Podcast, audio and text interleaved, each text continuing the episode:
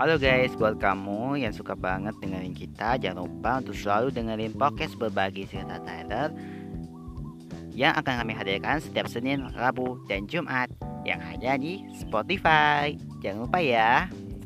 Selamat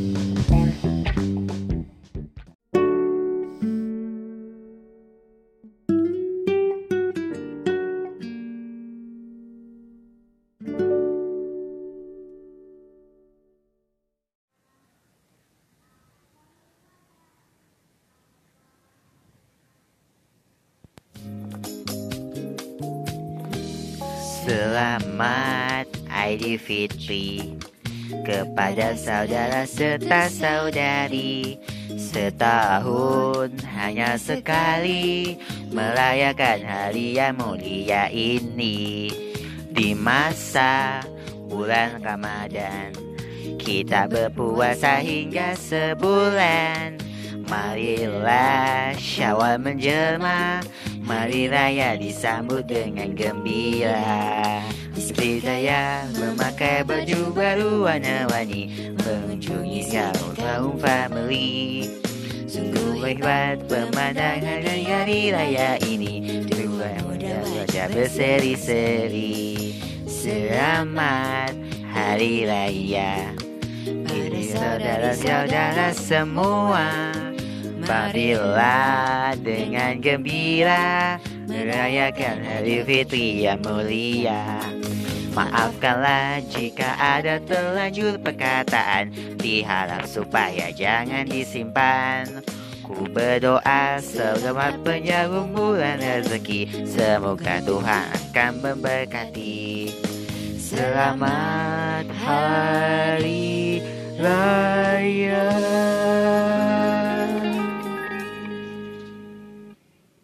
Assalamualaikum warahmatullahi wabarakatuh.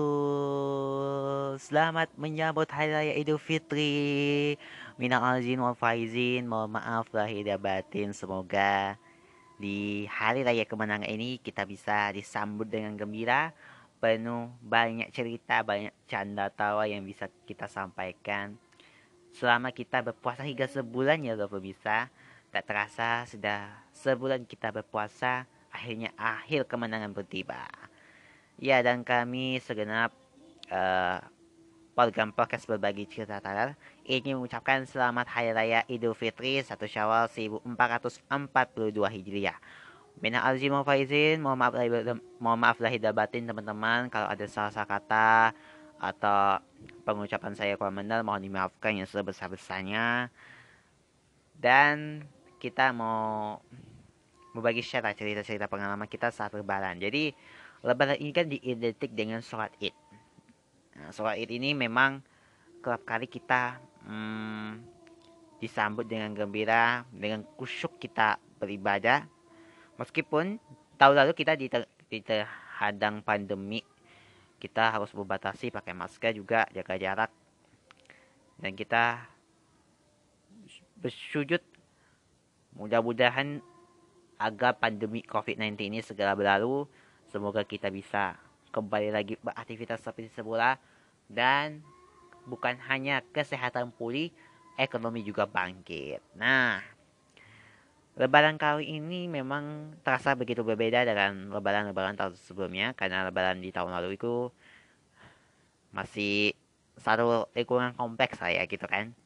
Lingkungan kompleks, jadi kita bagi THR aja, beli THR gitu ada yang 20 ada yang 5 ada yang 10 coba kembali di cipta pala itu berapa ya tuh ya? Uh, makin banyak makin berkah gitu. Tapi tapi ngomongin ngomongin soal lebaran-lebaran kita lebaran itu diidentik dengan saling bermaaf-maafan. Oke kita mau mengucapkan dulu ya minal azin wa faizin mau maaf dari batin buat teman-temanku semua kalau ada salah-salah kata mohon maaf yang sebesar-besarnya. Dimaaf dimaafkan juga ya. Semoga di hari raya ini mendapatkan kemenangan yang gembira dan disambut dengan bahagia. Kita mau sapa dulu kita mau menyapa dulu dong buat Tyler Tyler King, selamat Hari Raya Idul Fitri. Mohon maaf lahir batin ya kalau ada salah-salah kata temanku sejati. Kalau ada kata-kata kurang berkenan atau tidak enak di hati Anda, mohon dimaafkan sebesar-besarnya. Mohon maaf ya. Zora, mohon maaf lahir batin ya kalau ada salah-salah kata. Aku sebenarnya mau hanya memberikan share education aja ya. Biar kita semua tahu nih untuk kita di hari lebaran ini disambut dengan kemenangan. Ya, Pinsu juga mau maaf batinnya. Semoga dijauhkan dari segala amalan dan dosa-dosanya. Kita bisa sambut hari-hari kemenangan yang tiba. Charles, Cindy, mau maaf batin ya buat teman-temanku semua di sana. Semoga lebaran tahun ini kita bisa berkumpul kembali maupun yang lagi di sana mau maaf lahir batin juga ya buat teman-teman semua di se Indonesia.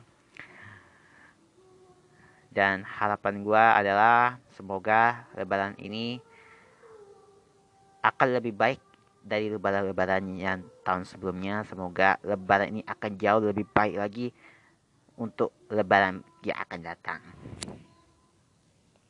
Nah ngomong-ngomongin tentang lebaran ini memang kalau kita lihat dari segi ya selalu diidentitik dengan uh, kue-kue khas lebaran. Misalnya uh, kalau kita itu dulu-dulu yaitu kalau orang di kampung ada apa ya kacang ya kacang kecil kecil itu kan kacang. Bukan kacang sih kacang goreng ya salah. Terus juga kacang hijau kacang pilus. Terus juga yang ada apa tuh yang panjang-panjang gitu? Piscok piscok kalau salah ya piscok terus juga nastar. Selalu diidentikan dengan nastar loh nastar tuh kan. Terus juga ada minuman juga. Misalnya minuman tuh uh, bekaleng minuman bersoda. Kita disambut dengan kemenangan yang gembira. Baik. Nah berbicara tentang hari raya idul fitri memang kerap kali kita maupun tidak bertemu secara virtual kita mau maaf bati juga buat teman-temanku semua ya. Mudah-mudahan nih lebaran ini bisa lebih baik ya. Terutama buat Tyler King. Selamat hari Idul Fitri. Mohon maaf minal azin mohon faizin. Mohon maaf mohon maaf lahir batin. Semoga lebaran tahun ini akan selalu menyatukan hati kita untuk selalu berbagi kepada orang lain. Semoga lebaran ini akan selalu gembira selalu. Dan lebaran ini memang kerap kali terjadi lebaran itu selalu diidentik dengan mudik. Nah, mudik ini memang misalkan di tahun-tahun sebelumnya kan mudik itu memang salah satu tradisi keunikan di Indonesia itu sendiri. Nah, ngomongin ngomongin tentang soal mudik, terus juga uh, saya memanfaatkan kasih teh akhir terus juga ilbala itu diidentik dengan kembang api ya kembang api dulu dulu tuh kan. Nah terus juga oh ya lebaran sebelum kita lebaran itu diidentik dengan takbiran guys. Takbiran itu para kayak uh, ada bentuk di toko-toko satu kampung. Nah itu sampai ala-ala itu bawa obor obor api. Nah, kampung bahwa ini hari kemenangan akan tiba sebentar lagi gitu. Dan lebaran itu selalu diidentik dengan uh, apa ya masa masa bareng ya? Masa bareng. Itu juga ada dodol terus juga apa ya uh, ketupat opor ayam dan banyak lagi ya yang makanan-makanan yang dia selalu diidentik dengan lebaran gitu sendiri guys. Nah ngomongin-ngomongin tentang lebaran ada satu kue khas lebaran yang tidak pernah terlupakan yaitu nastar. Bagaimana sih sejarah perkembangan nastar itu seperti apa? Mari kita dengarkan setelah aku mendengarkan nyanyian lagu berikut ini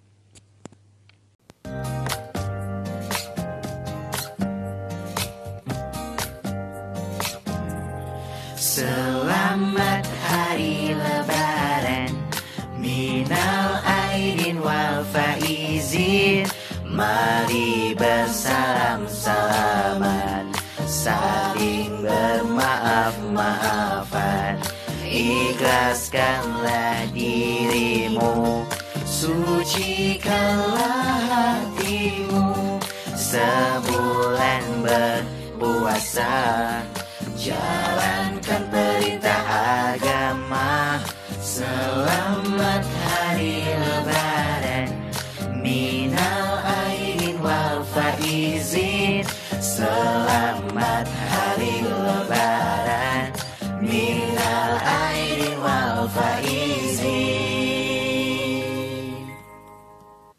Balik lagi. Kalau tadi kan kita sudah membahas tentang Saling memanfaat saling maafkan terus juga lebaran diidentikan mudik sholat id THR dan sekarang kita akan membahas tentang lebaran yang selalu diidentik dengan kue khas lebaran yang tiap kali setahun sekali doang.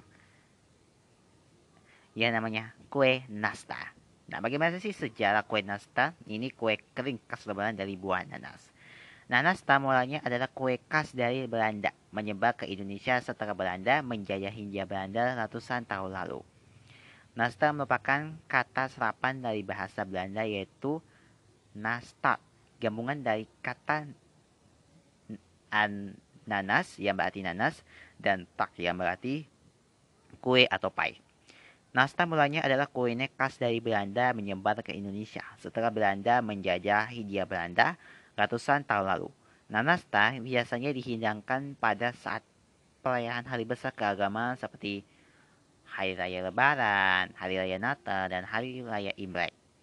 Nah, ketika Belanda menjajah Hindia Belanda, mereka memperkenalkan nasta kepada masyarakat pribumi. Saat pertama kali dari Belanda, nasta masih berupa kue atau pie dengan isian blueberry atau apel. Namun, ketika saat masa penjajahan saat itu masih sangat sulit menemukan buah-buahan tersebut, maka dipilihlah nanas sebagai penggantinya. Sama seperti kue kering lainnya, nasta dibuat dari tepung terigu, telur, dan bahan-bahan kue lainnya. Isian nasta itu biasanya adalah selai buah nanas. Namun seiring dengan perkembangan zaman muncul berbagai variasi isian seperti selai strawberry atau selai blueberry.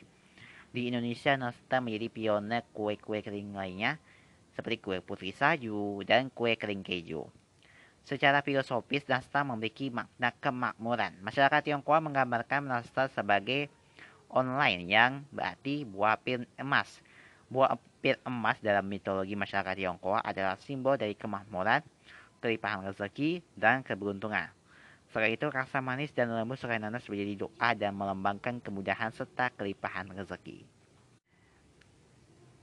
Nah, Tak hanya di Indonesia, nasta juga dapat ditemukan di beberapa negara Asia seperti Tiongkok dan Hong Kong dengan bentuk sedikit berbeda. Jika nasta Indonesia dikenal dengan bentuknya yang bulat dengan diameter sekitar 2 cm di Hong Kong, di Hong Kong nastanya memiliki bentuk sebalok sekitar 5 cm. Nasta paling terkenal di Hong Kong adalah His, yang dikenal dengan karena segarnya selai nanas dan roti yang sangat lembut. Lebaran sebentar lagi tiba. Sudah mencatatkan liburan? Nah, manfaatkan momen kumpul bersama keluarga dengan ibu bersama. Nah, itu tadi uh, sejarah nasta kue kering emas. Nah, lu bagaimana sih uh, uh, fakta dan asal usul kue nasta itu sebenarnya? Nah, jadi kue nasta Pasti tidak asing lagi bagi pecinta kue kering. Kue berbentuk bunda dan agak pipi ini sering kali disajikan pada momen hari spesial tertentu. Khususnya pada hari raya, cemilan yang nikmat ini tentunya menanggung selera dan bila sudah sekali mencicipi, kamu akan selalu dijamin akan ketagihan. Nah, para ibu rumah tangga biasanya berusaha untuk mendapat membuat kue ini sendiri, ketimbang membeli di pasar atau tempat lain. Di balik lezat dan mungilnya kue ini, ada beberapa fakta yang harus kamu tahu nih tentang kue nastar. Yang pertama, nama nastar berasal dari bahasa Belanda. Nama nastar berasal dari bahasa Belanda yaitu ananas, yaitu nanas, dan tat, yaitu tat. Pelaparan pun dimudah menjadi nasta. Jadi nasta adalah tak yang isian selai nanas. Nasta sendiri telah ada sejak zaman penjajahan Belanda. Dalam bahasa Inggris, nasta ini sering disebut pink apple tas atau pink apple nastar roll. Nah, kamu sudah tahu kan? Nah, yang kedua terinspirasi dari kue pie. Resep nastar, nastar terinspirasi dari kue pie yang dibuat dalam moyang-moyang besar seperti blueberry, strawberry, maupun apel. Adonan nastar sendiri sama dengan adonan kue. Eh, adonan pie masuk kami. Yakni tepung terigu, telur, mentega, dan bahan lainnya. Konon saat masa penyediaan buah-buah isian pie tersebut sulit didapatkan, sehingga masyarakat kita menggantinya dengan buah nanas yang mudah didapat di Indonesia, yang merupakan negara tropis. Tidak hanya muncul saat lebaran, perayaan Natal dan Imlek pun nastar kerap disajikan sebagai kue jamuan. Nah, sering dengan perkembangan zaman, nastar kemudian memiliki variasi isian seperti strawberry, blueberry, durian, dan lain sebagainya. Kue kering satu ini bukan hanya muncul saat lebaran loh, namun saat hari raya keagamaan seperti hari raya Natal, hari raya Imlek pun nastar kerap dijadikan jamuan untuk tamu. Kemudian nastar kerap disebut sebagai kue kering, padahal sebenarnya nastar merupakan kategori kek. Dilansir dari laman Detik Food, pakar pasti terkenal Indonesia yakni Yoki Gunawan menyebut kalau nastar masuk dalam kategori kek karena teksturnya yang lembut dan lembab, bukan garing atau renyah kayak layaknya kue kering pada umumnya. Masyarakat Indonesia selama ini salah kaprah jika menyebut nastar sebagai kue kering, padahal aslinya nastar berarti kue nanas. Berikutnya, nastar melambangkan kemakmuran. Selain memiliki cita rasa yang unik di lidah, nastar juga memiliki filosofi. Etnis Tionghoa menyebut nastar sebagai long lai yang berarti pil emas. Pil emas dipercaya sebagai simbol dari kemakmuran, rezeki, dan keberuntungan. Nah itu tadi beberapa fakta tentang nastar yang perlu kamu ketahui. Semoga menambah wawasan kamu ya. Selain juga kita uh, salam-salaman, saling memaafkan, kue lebaran juga. Namun diidentik dengan satu, filman. Jadi filman di hari-hari lebaran itu memang terasa ya. Kadang-kadang kita ada film animasi, ada film uh, anime, terus banyak film Indonesia juga yang masih bisa bertahan di di hari raya ini. Namun setelah itu, nah ada nih salah satu saran ada 15 rekomendasi film yang bisa kamu nonton di Hari Raya Idul Fitri buat kamu nanti, ya. Itu dia 15 rekomendasi film yang terbaik dan inspirasi sepanjang 2010 hingga 2020 berikut ini. Selamat pagi, siang, sore, malam, atau maghrib teman-teman di mana pun kalian berada. Semoga dalam keadaan sehat dan penuh semangat di tengah pandemi yang terus melanda. Kali ini saya Amerika Sapua akan hadir menemani kalian untuk memberikan pengetahuan dan informasi dan manfaatnya dalam podcast berbagi cerita Thailand yang sekarang sudah ada di Spotify. Ada aku Malaga Saputra yang akan hadir menemani kalian. Nah, di tengah pandemi seperti sekarang ini kan kalian tuh bosan ya di rumah ya cari referensi film terbaik. Nah, ketika merasa bosan biasanya kita menghibur diri dengan mendengarkan musik, bermain games, ataupun menonton film. Selain itu, ada pun hobi lain yang dapat menghibur kita kala bosan menganda, seperti menggambar dan sebagainya. Bagi yang hobi nonton film, salah satu genre favorit yang pas untuk ditonton ketika merasa bosan adalah film animasi. Nah, film animasi produser dapat lebih ekspresif dalam perbuatan suasana dan cerita yang membuat genre tersebut terasa lebih seru dan menyenangkan. Tidak sedikit juga film-film animasi dengan cerita serem yang juga mampu memberikan mimpi buruk bagi yang menontonnya.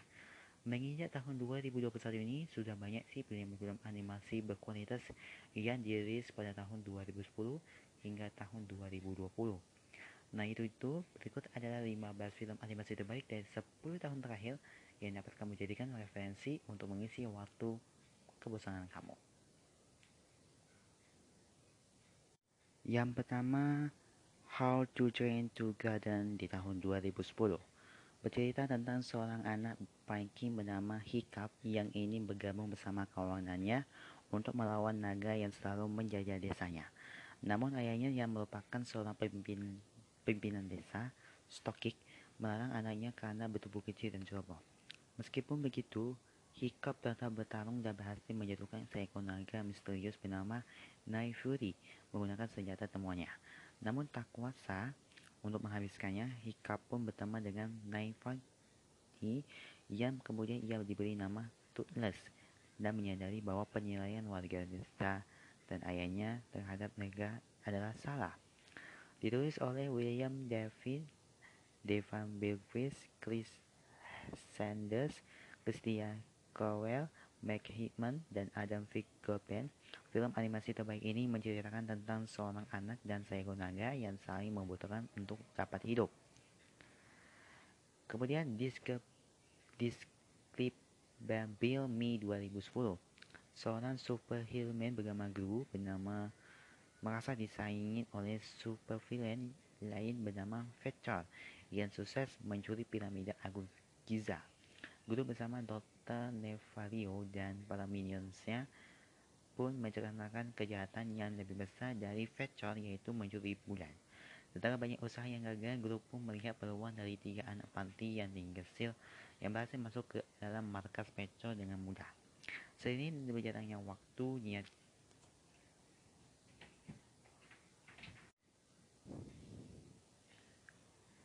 Seiring berjalannya waktu, niat jahat kru pun semakin berkurang dan perasaan cinta kepada gadis-gadis yang diadopsinya malah semakin besar.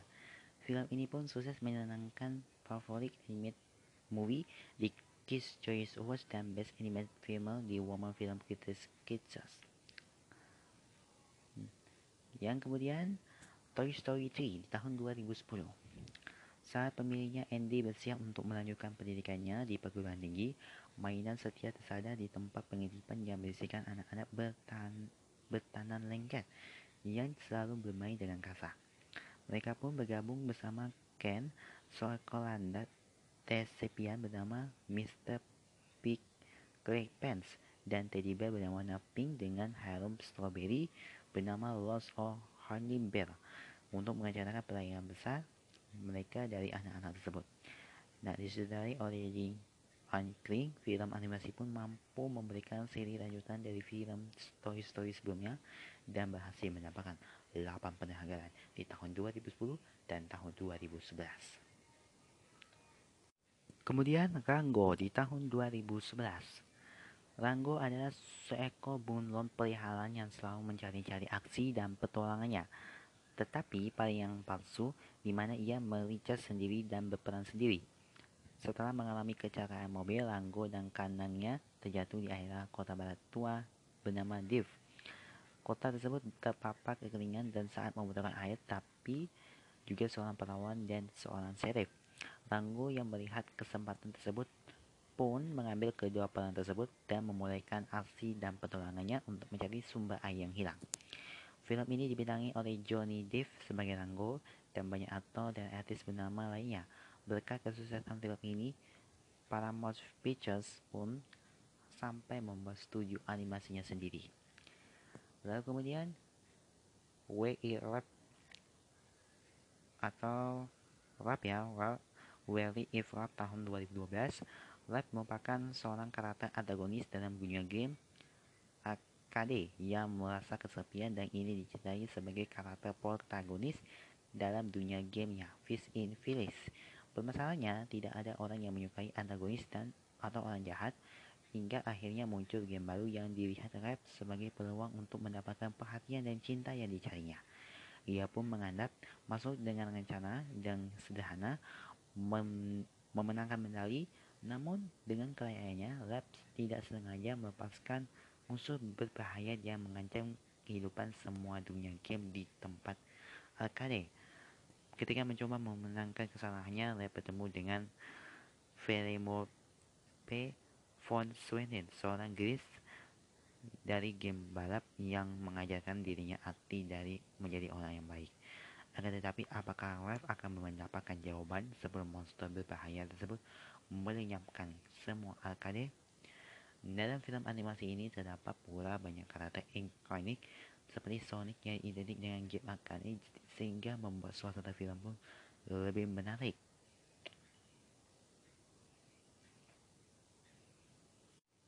Kemudian ada Kazeta Chino tahun 2013. Terinspirasi dari seorang desainer aeronautika asal Italia, Caproni Cirio bermimpi untuk mendapat terbang dan membuat kapal cantik sendiri. Karena lembutan yang dimilikinya, Jiro tidak bisa menjadi pilot dan memutuskan untuk bergabung dengan perusahaan Inejit besar asal Jepang di tahun 1927 dan menjadi desainer pesawat paling ulung dan inovatif sedunia. Merupakan film fiksi biografi dari Jiro Horikoshi, desainer dari pesawat tempur Mitsubishi A5M dan suksesnya Mitsubishi suksesnya Mitsubishi A6M uh, Zero yang digunakan untuk kerajaan Jepang pada Perang Dunia Kedua. Nah, film animasi terbaik ini merupakan film dengan pendapatan faktor tertinggi di Jepang pada tahun 2013. Film dengan judul Inggris The Right The White Rise ini juga telah memenangkan dan masuk nominasi beberapa penghargaan. Kemudian Big Hero 6 di tahun 2014 berceritakan tentang hero seorang pemuda cerdas asal Sang Francisco yang akan memasuki Universitas Asfalto di, kota tersebut.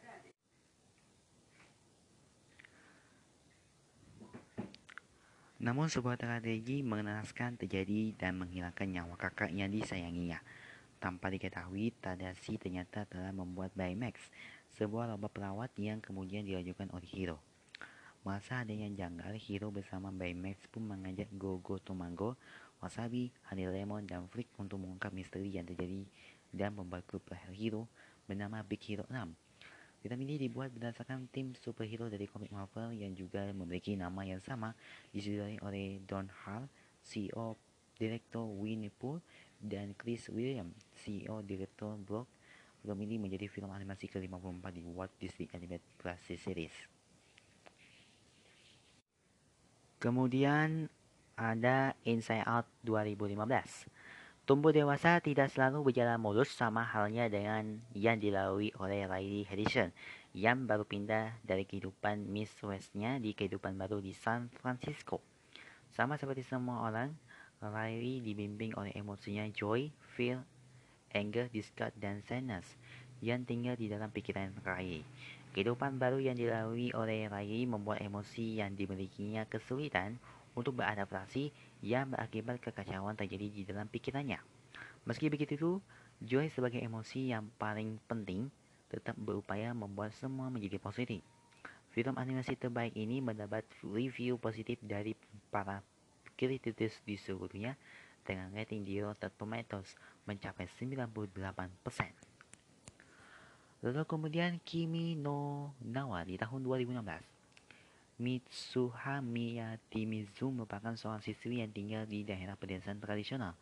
Berbeda dengan Taki Tachibana yang tinggal di pusat kota dengan lingkungan yang sudah modern pula.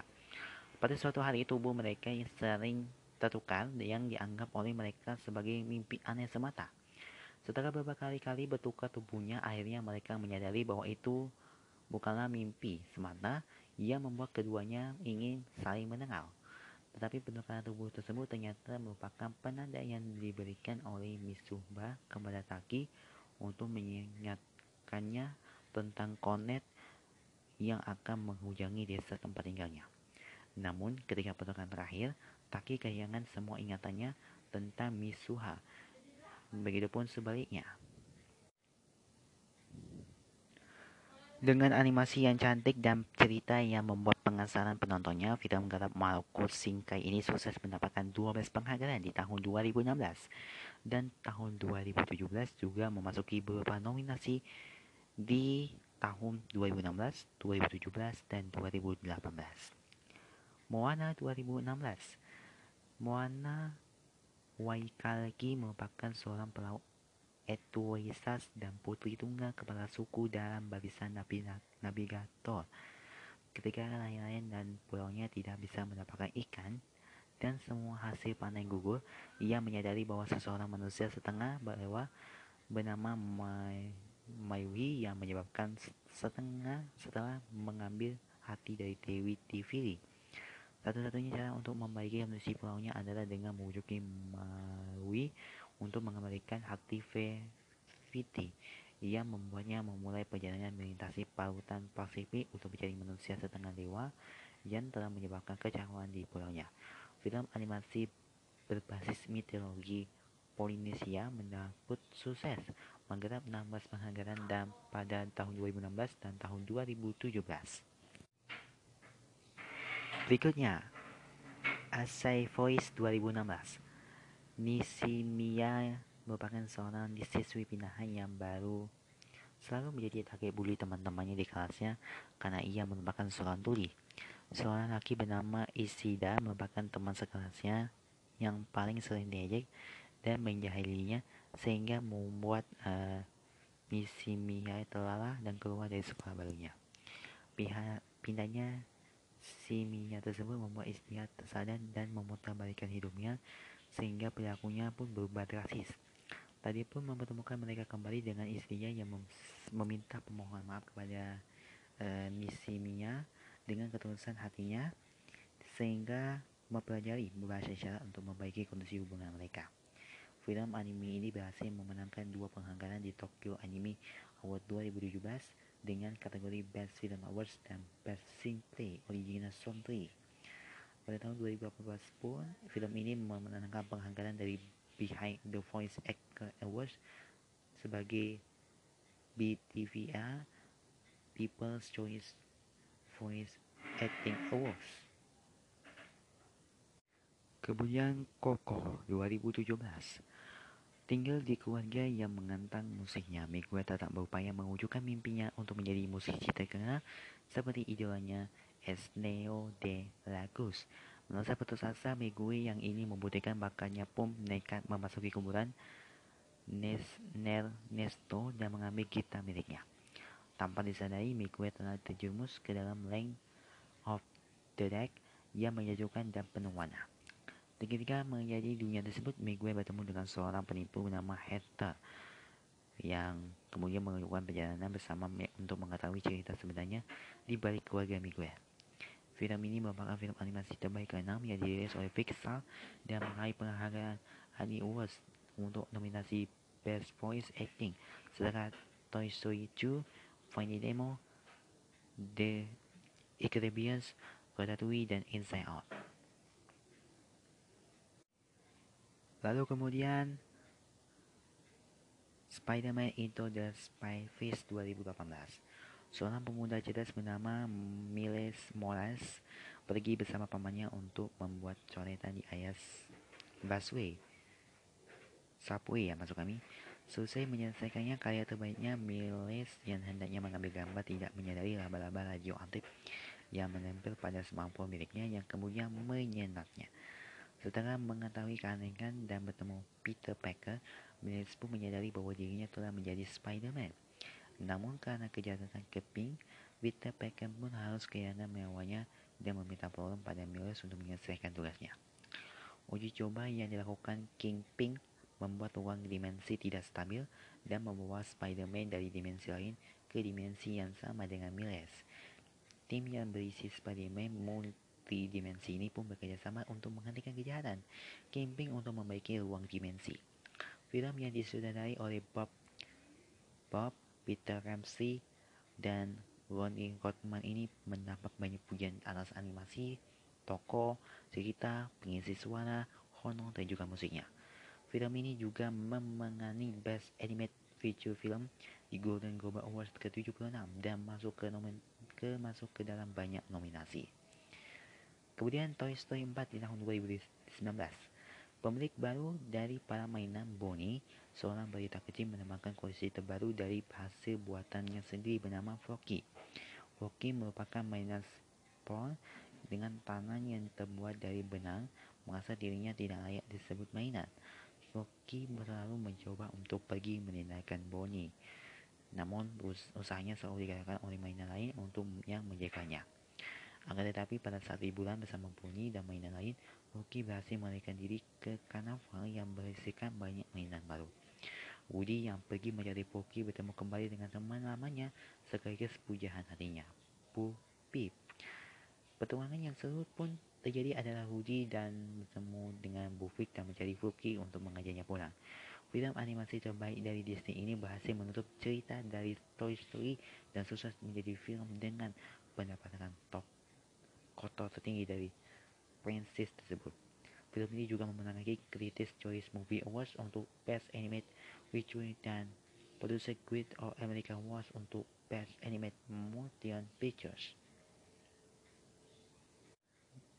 Dan yang lain Demonstrator Morgan Train 2020.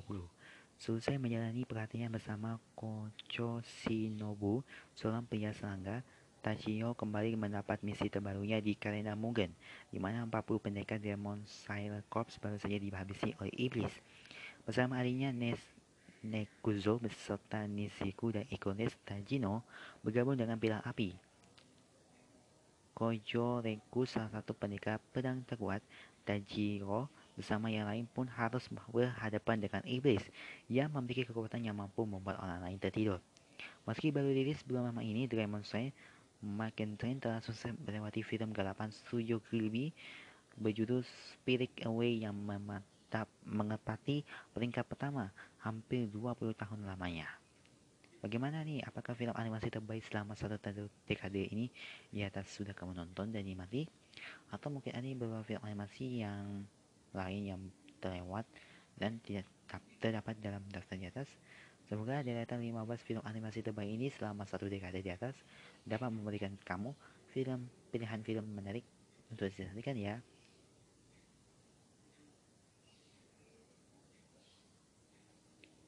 Oke, semua rangkaian-rangkaian lebaran kali ini sekaligus untuk perjumpaan kita di berbagi cerita Thailand edisi kali ini di lebaran. Kami segera keluarga besar Charles, Zora, Z, Tyler, Mata, Pekabaru Kindness, ingin mengucapkan selamat Hari Raya Idul Fitri 1 Syawal 1442 Hijriah.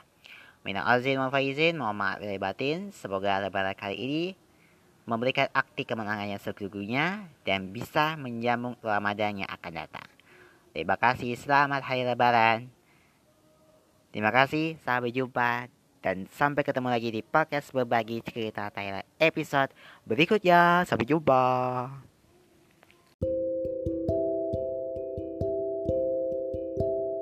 Berbagi cerita Thailand hanya di Spotify.